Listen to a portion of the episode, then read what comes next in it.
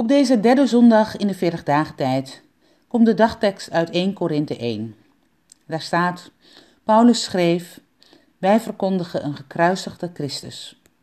Voor de volken een dwaasheid, maar voor ons is Christus Gods kracht en wijsheid.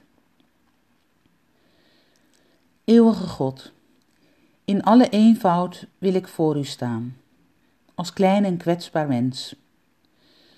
Ik vraag u om wijsheid in de omgang met mensen, met dieren en planten, met mijzelf, opdat ik me niet laat leiden door illusies, maar door uw wil.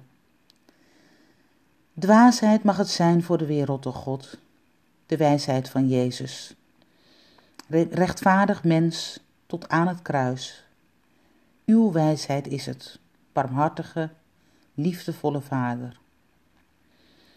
In alle eenvoud vraag ik u: stop mijn oren toe voor de dwaasheid van de wereld. Maak mij vredelievend, barmhartig, onpartijdig en oprecht. Laat mij bescheiden zijn en zegen mij door uw wijsheid. Amen.